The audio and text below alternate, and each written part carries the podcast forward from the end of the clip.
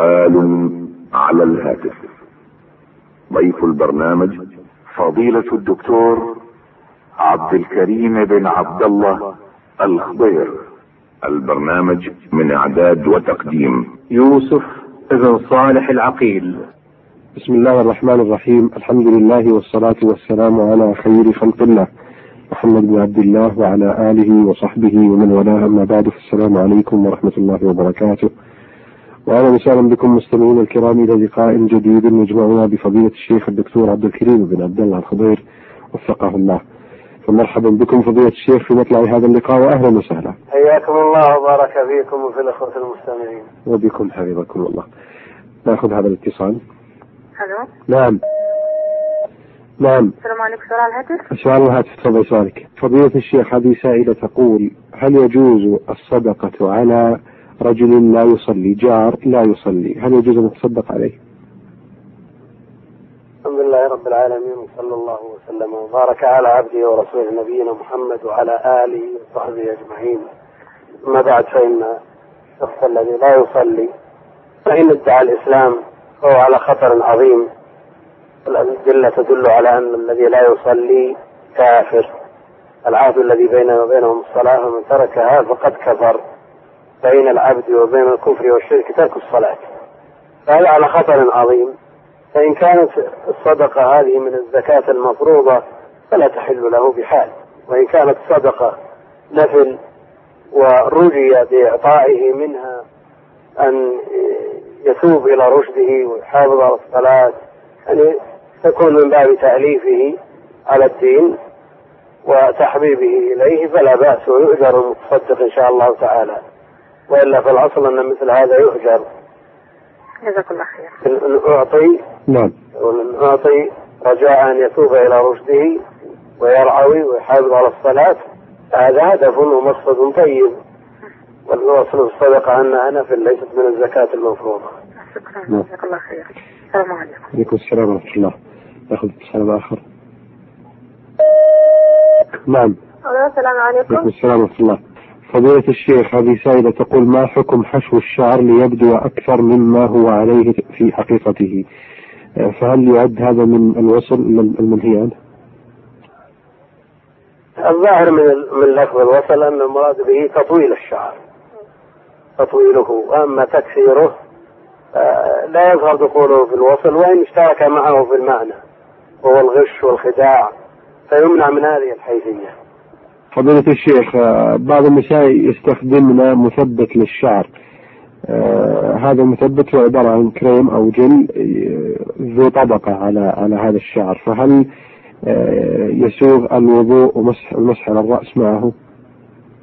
إذا كان له جرم يحول بين وصول الماء إلى الشعر فلا يجوز نعم وأما نعم. الإنسان مثل ال- الأدهان ومثل الأصباغ التي لا تحول دون وصول الماء إلى الشعر فلا بأس به.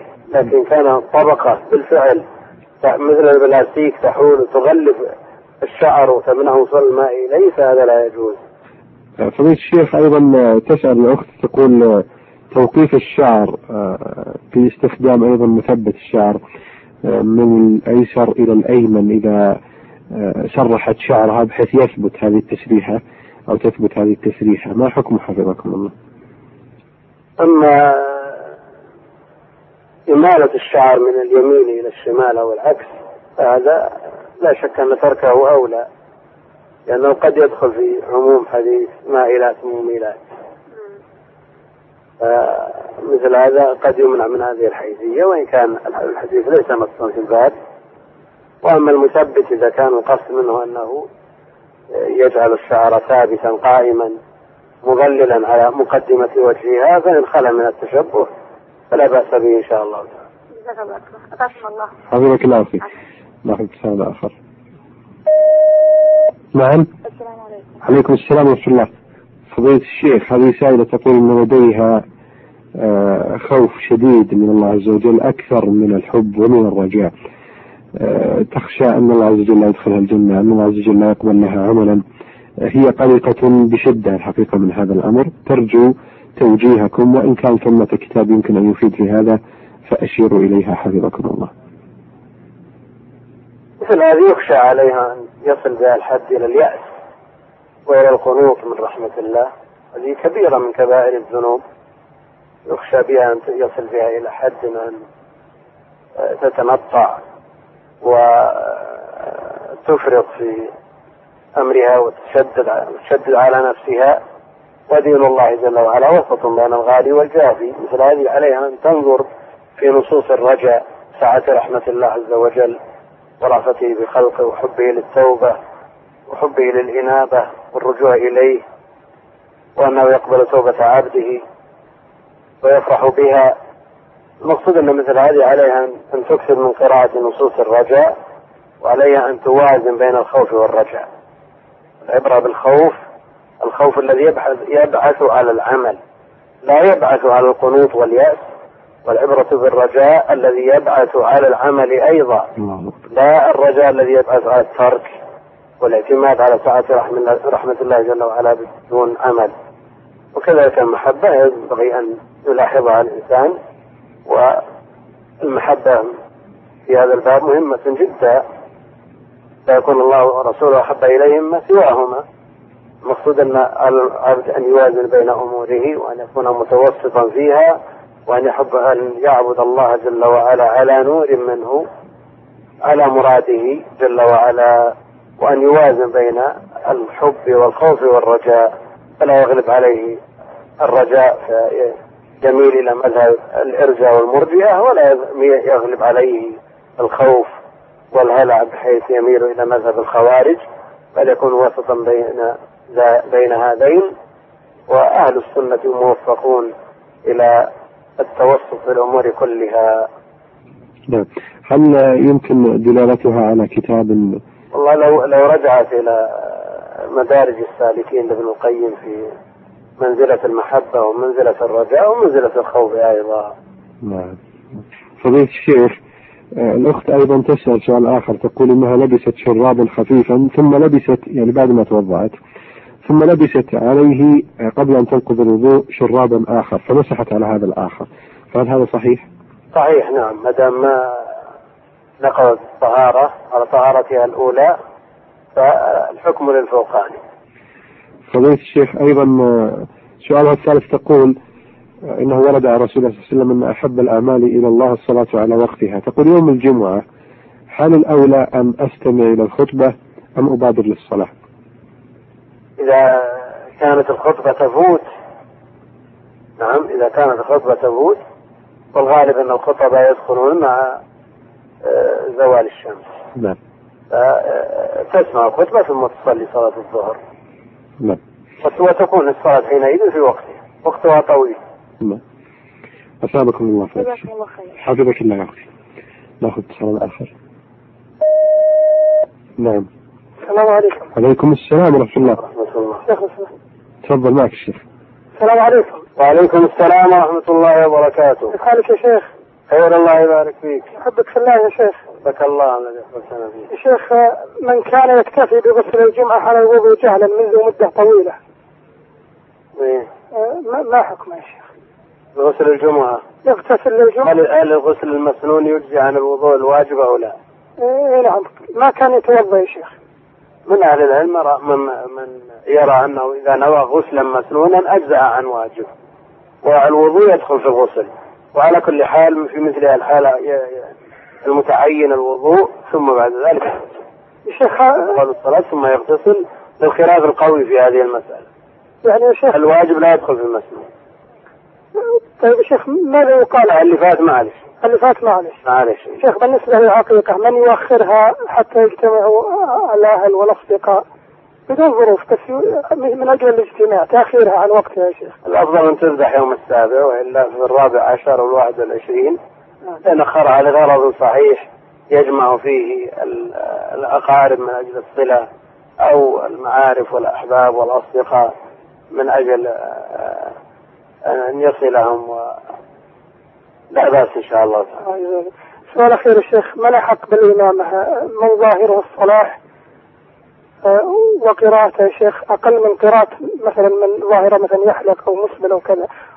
والمسبل والحريق أفضل منه بكثير يا شيخ. على كل حال الحديث فصل في النزاع. يؤم القوم أقرأهم لكتاب الله. الله يجزاك. كانوا بالقراءة سواء فعلهم بالسن- بالسنة. وعلى كل حال ينبغي أن يبحث عن الإمام الذي تبرأ الذمة به ويجزم بأنه يؤدي الصلاة على الوجه المطلوب. وهؤلاء هم الأتقياء الأخيار. يبحث عنهم بقدر الإمكان. الله يجزاك نأخذ هذا الاتصال. السلام عليكم. الشيخ لو سمحت فضيلة الشيخ هذه سائلة تقول إنها ذهبت لطبيبة بشرة وإنها قالت إنك محتاجة لعملية تقشير للجلد فتقول هل يجوز لي أن آه، أعمل بها؟ ثم أيضا إن لديهم يعني ما يمكن أن يسمى عمليات للتنحيف فهل لها أن تأخذ بها؟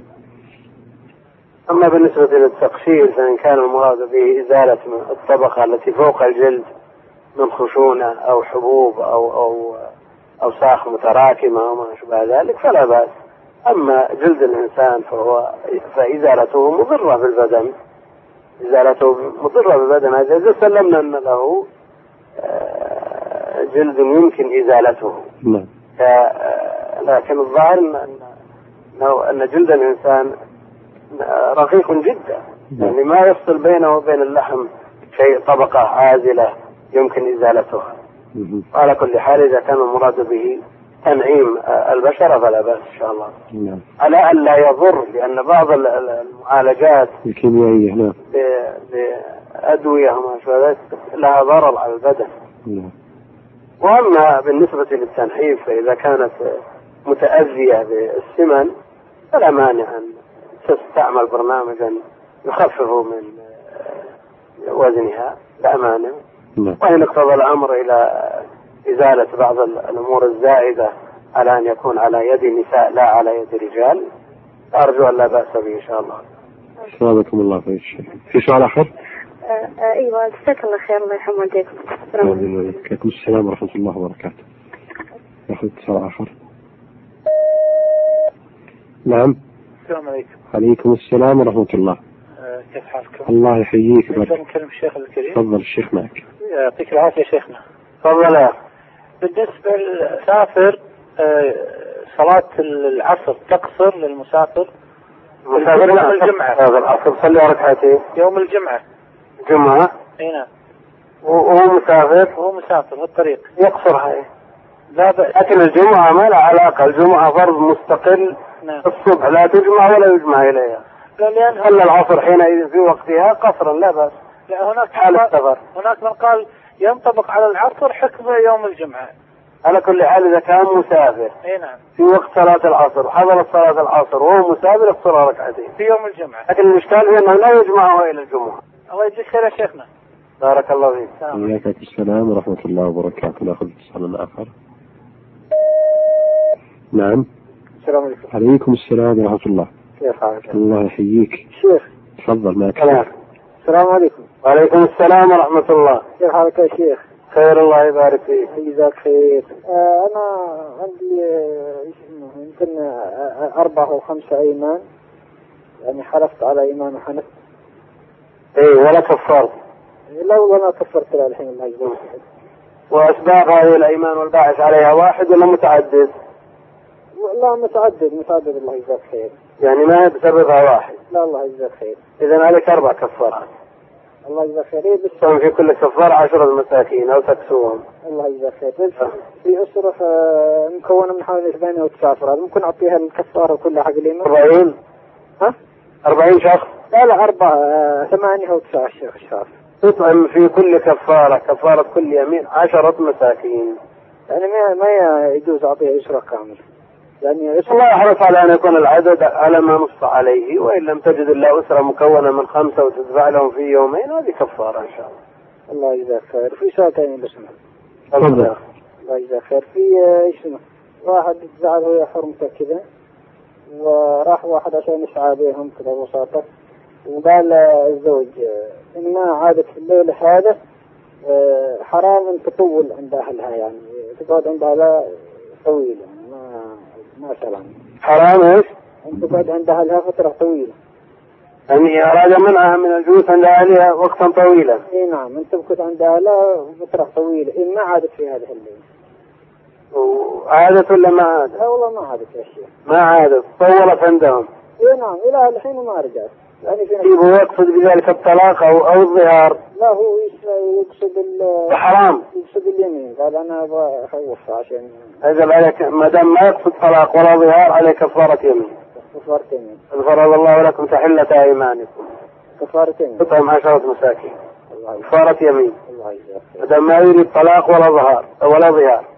هو قال عشان يمين بس. قال بس يقصد منعها من ذلك عليك كفارة يمين. العمر خير شيخ. حياك الله أخي الكريم. الله. آه نأخذ اتصال آخر. نعم. السلام عليكم ورحمة الله وبركاته. عليكم السلام ورحمة الله وبركاته. فضيلة الشيخ هذه سائلة تقول هل صحيح أن غطاء الوجه بالنسبة للمرأة يسقط عنها عند وصولها إلى سن اليأس؟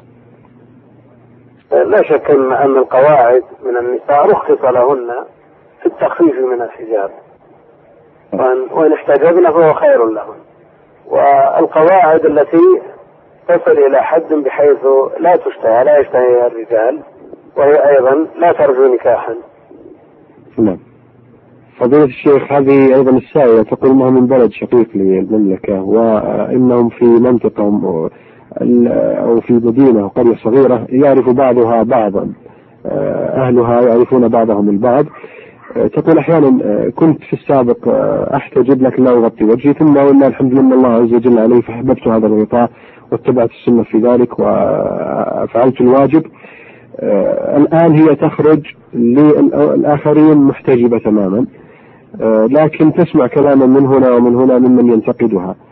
تقول فضيلة الشيخ هل من توجيه لها حول هذا الأمر؟ ولما تفعله هو الصحيح بل الواجب المتعين. لأن تغطية الوجه عن غير المحارم واجب. يجب تغطية وجه المرأة عن غير محارمها ما تفعله هو الصحيح نسأل الله جل وعلا أن يثبتها على هذا. ولا تلتفت إلى ما يقال. ولا تلتفت إلى ما يقال. فقد تبتلى بمثل هؤلاء الذين يسخرون منها وينبذونها ليعظم أجرها. فيكون أعظم لأجرها إذا ابتليت بمثل هؤلاء. فعليها أن تصبر وتحتسب وتثبت على على دينها وسوف يوفقها الله جل وعلا. نعم أحسن الله إليكم فضيلة الشيخ. جزاكم الله ألف خير. آمين شكرا لكم مع بهذه الإجابة مستمعينا الكرام نصل إلى ختام هذه الحلقة. أتقدم في ختامها بالشكر الجزيل لفضيلة الشيخ الدكتور عبد الكريم بن عبد الله الخضير.